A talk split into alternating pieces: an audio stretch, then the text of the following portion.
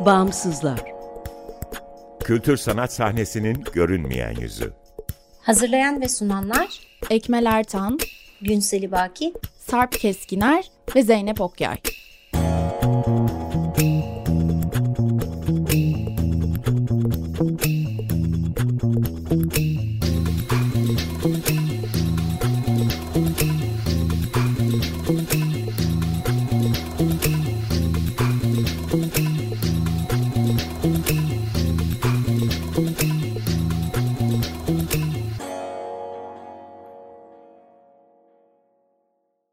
Merhaba, 95.0 Açık Radyo'dasınız. Açık Dergi içerisinde yer alan Bağımsızlara hoş geldiniz.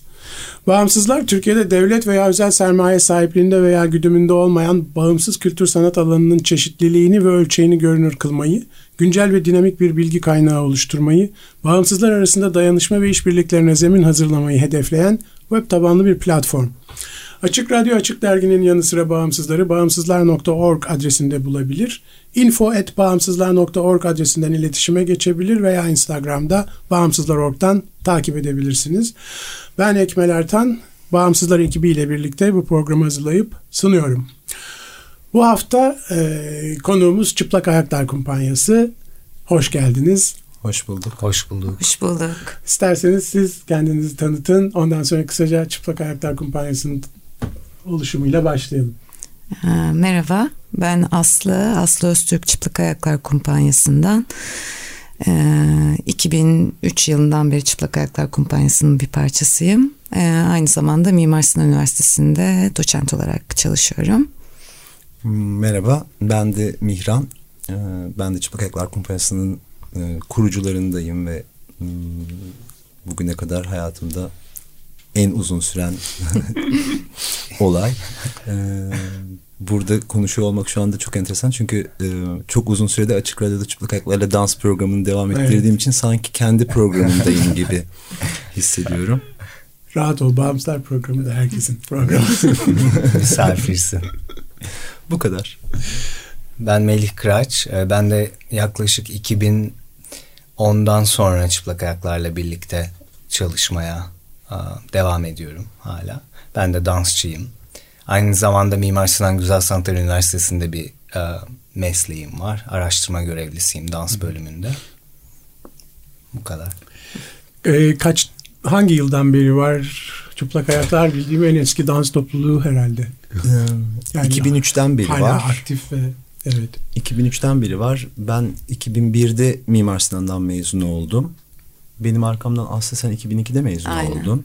Duygu benden önce bizden 2000'de mezun oldu demek ki. Aslında 2000'lerin başında böyle zaten birbiriyle iyi anlaşan, beraber küçük projeler yapan ve beraber üretmek isteyen e, alanda killer yan yana geldiğimiz. Çatının e, kuruluşu falan da aynı zamanlara denk geliyor. Çatı, Biraz daha sonra galiba. Galiba çok az sonra mı ya da aynı dönemler olabilir emin değilim ama biz 5'ten sonra 2005 evet, 2006 belki. Dans buluşma da hani hmm. aslında mekanda onların hepsi bu 2000 2001 o hmm. döneme tekabül ediyor. Ee, biz de aslında 2003'te e, ilk yan yana böyle bir ekip olarak Çıplak Ayaklar Kompanyası olarak yan yana gelişimiz Vay Inchu Chima Neden diye bir gösteriydi. Ben böyle biraz e, Şafak Uysal vardı, Melis. Tuzcuoğlu vardı. Beraber bir gösteri yaptık ve o gösteriden sonra da bir süre çalışmalarımızı böyle dans buluşmada yaptığımız ama biraz proje topluluğu gibiydik. Yani sanki bugünlere gelecek gibi değil de Aa, yan yana gelelim bir gösteri yapalım. Ee, birisini yurt dışından davet edelim. Çünkü bir yandan da biz de kendimiz yurt dışındaydık hı hı. aslında. Ben Fransa'daydım. Aslı Fransa'ya gitmişti. Ya böyle bir duygu Greenpeace gemisindeydi. Böyle gitmeli gelmeli ama yan yana geldikçe bir şey üreten, bir festivaller yapan bir girizgahımız oldu.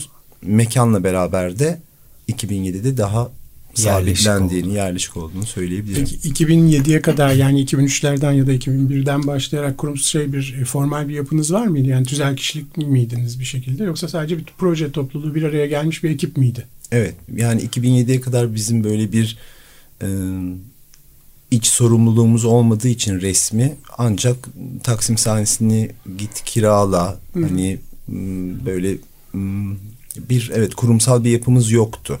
Bir e, bir konsolosluğa gidiyorduk. E, Hollanda konsolosundan e, destek istemiştik. Onunla iki koreograf getirmiştik. Diana Elshot ve Frank Hendeler. Onlarla bir iş yapmıştık. Bir minik bir festival düzenlemiştik. Böyle biraz sanki e, bir bir topluluk e, aşamalarından geçmiştik ve geldiğimiz noktada da bir mekanımız olmazsa artık sanki dağılacak gibiydik.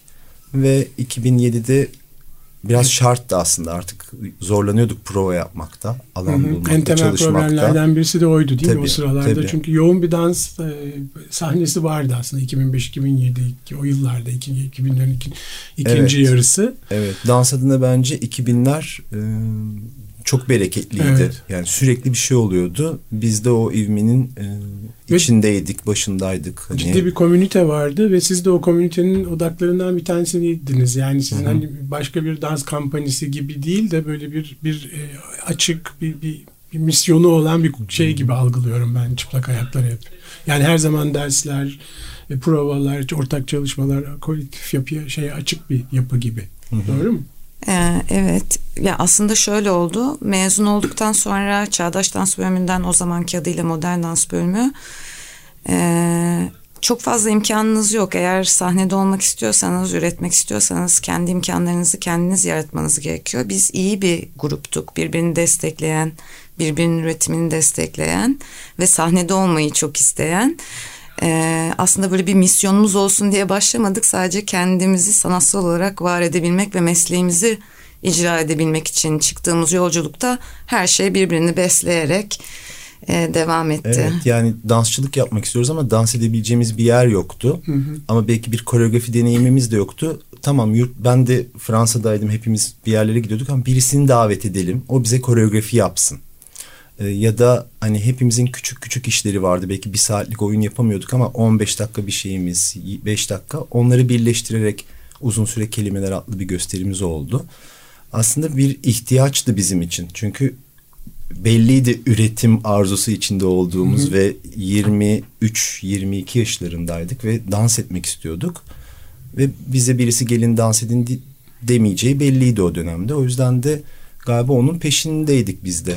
Ee, hem birbirimizin işlerini de var olduk ya da üretilmesi için prodüksiyonunu sağladık.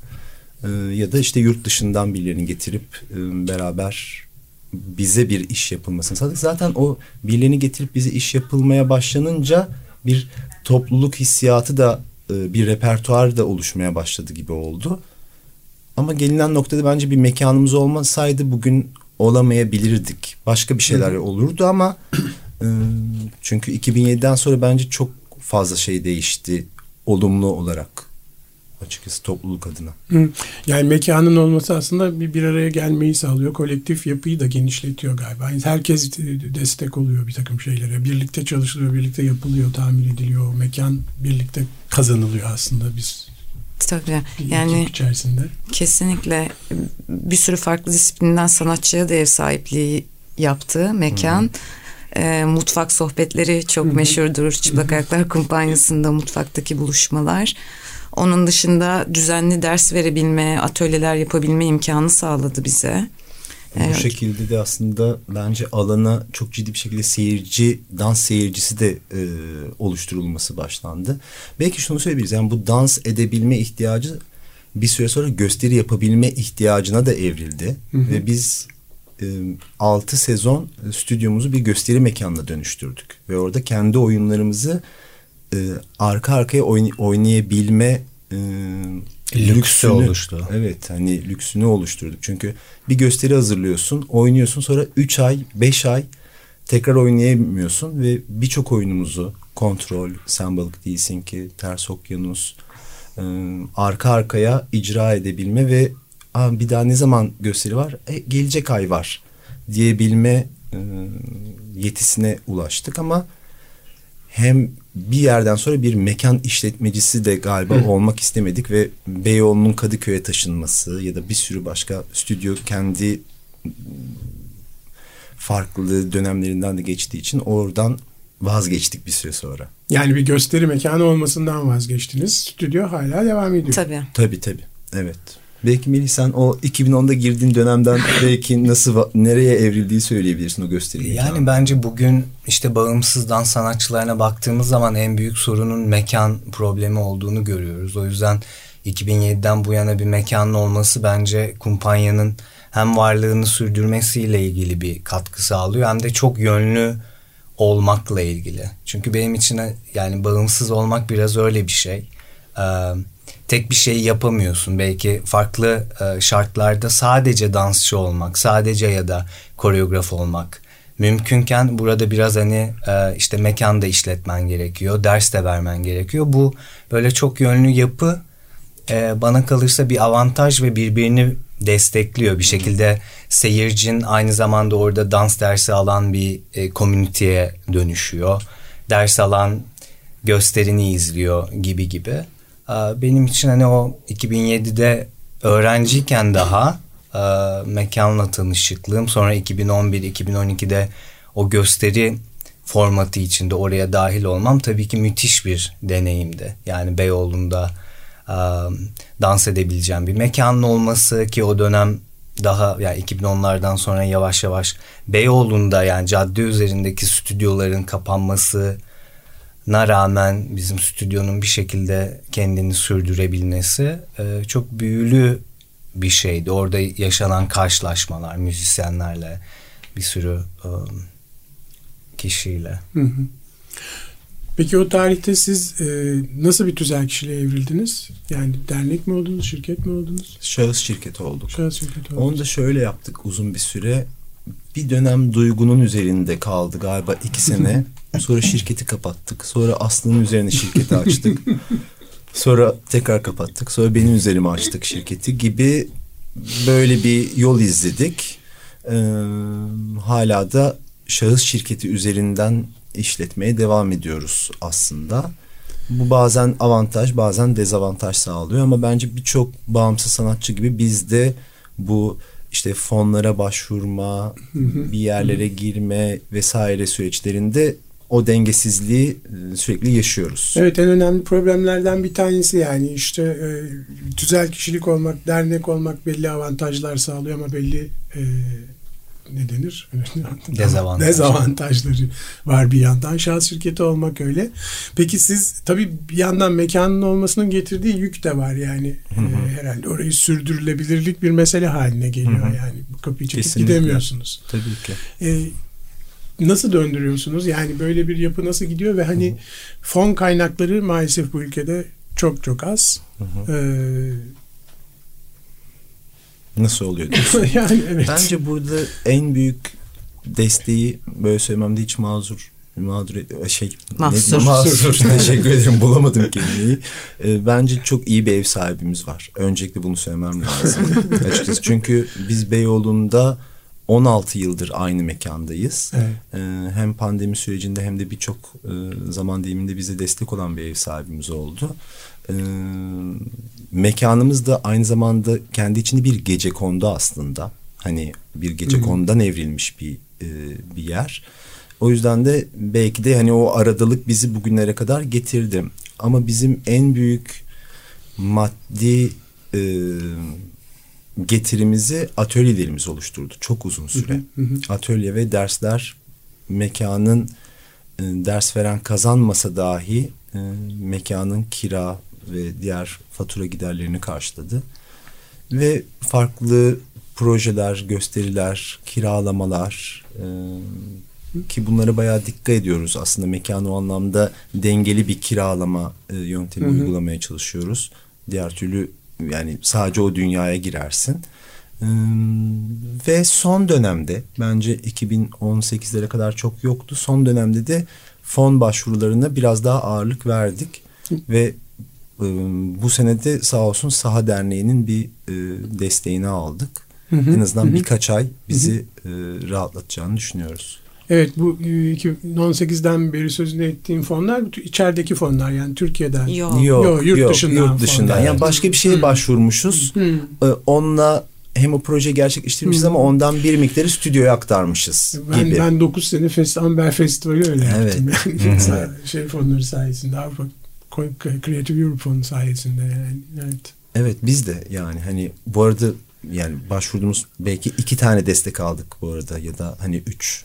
Ama on Evet. değil yani hani. Ama şunu söyleyebiliriz hiç e, içeriden yani e, destek almadık aslında. Evet. Hep Avrupa Birliği'nden bu çok Evet, evet. hüzünlü. Bir Belki tane biz aldık. Çok aldık mı? Ee, bir tane Gürri Sururi, e, Engin Cezar, e, İKSV şeyi aldık. Evet, aynen. olarak. İKSV Evet. tiyatronun.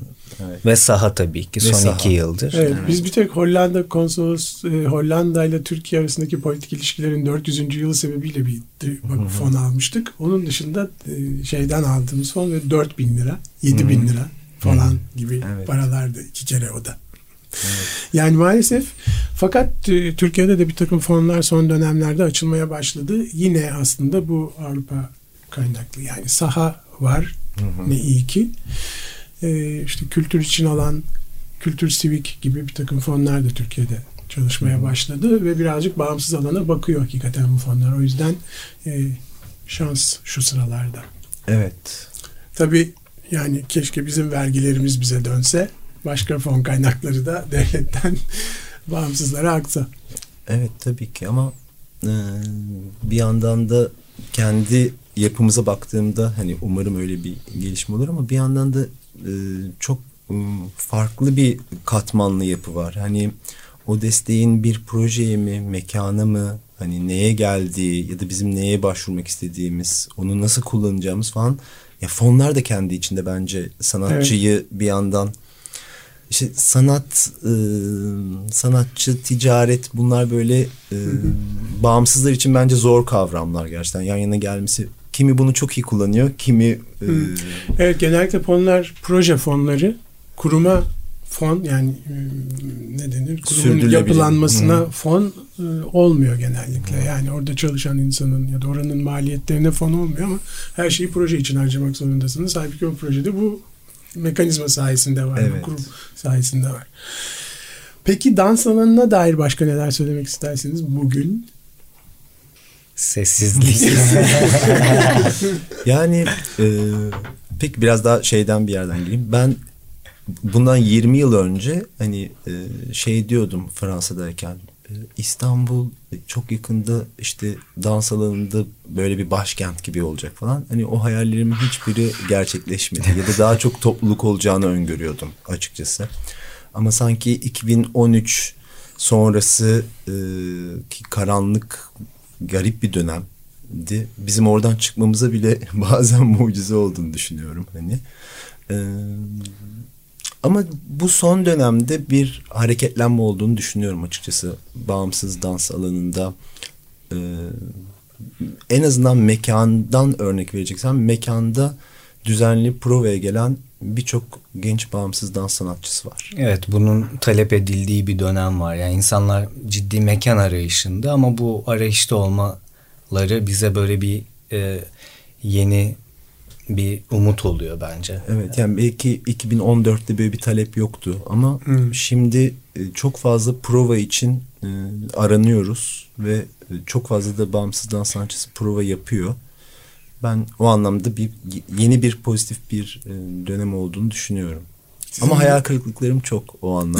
Evet. 2000'den bugüne baktığımda yani ben 2000 e, sanki 20'lerde daha başka bir yere evrilmiş olacağını yani ben sadece biz çıplak ayaklar 20 yıllık bir grupsa ve sadece İstanbul'da gösteri yapıyorsa hani bilmiyorum bir şeyler başarılmış mı başarılmamış mı? hani Diyarbakır, Muş Evet. evet. yani Tatvan fark etmez hani gidebiliyor muyuz? Hiçbir yere gidemiyoruz. Ve çok kişisel çaba gerektiren bir Evet. sanat alanı. Her her alan böyle bir şekilde ama ben bugünlerde her gün uyandığımda onu söylüyorum. Bunun bunu talep eden bir kitle var mı? Birilerinin dans etmesini ya da e, toplumun dans etmeye e, gönlü var mı? ihtiyacı var mı? Ya da bir Aslında dans gösterisi izlemeye izleme. gönüllü mü? Bu bir ihtiyaç mı yani? Yani o ihtiyaç da biraz farkındalıkla doğuyor herhalde. Kesinlikle. Yani, Yani bizden maalesef eğitim bambaşka yerlere çektiği için E, bizden daha iyi bir toplum- oluşmuyor. Bizden daha iyi bir toplum olamaz bence. Dans eden, beden izlemesi gereken. Yani onu o şekilde bakıyorum. Peki kısaca şeyi sorayım. Pandemi sizi nasıl etkiledi? Ondan sonra İznik'e belki söz edebilirsiniz İznik'ten.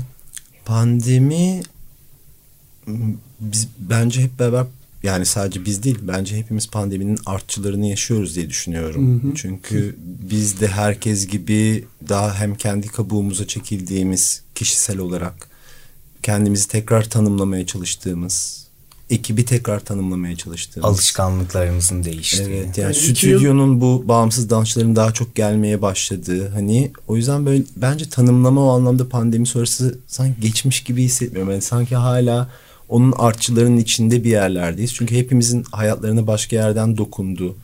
Durmak hani iyi gel diyeceğim ama bir yandan işin içinde ölüm olunca bir şeylerin iyi gelmesi de anlatırken genelde zorlandığım bir şey benim. Ama iki sene bir mekanı çalışmayan bir mekanı tutmak bile başlı başına bir şey. Evet o dönemdeki en büyük şansımız bizim Göte'nin bir fonuna başvurmuştuk Hmm. ve oradan bir destek almıştık. O destek bence bizi o anlamda e, kurtardı ve e, evet evet İznik'le evet, de aslında İznik'e daha çok odaklanmaya da neden oldu o fon. evet Hmm.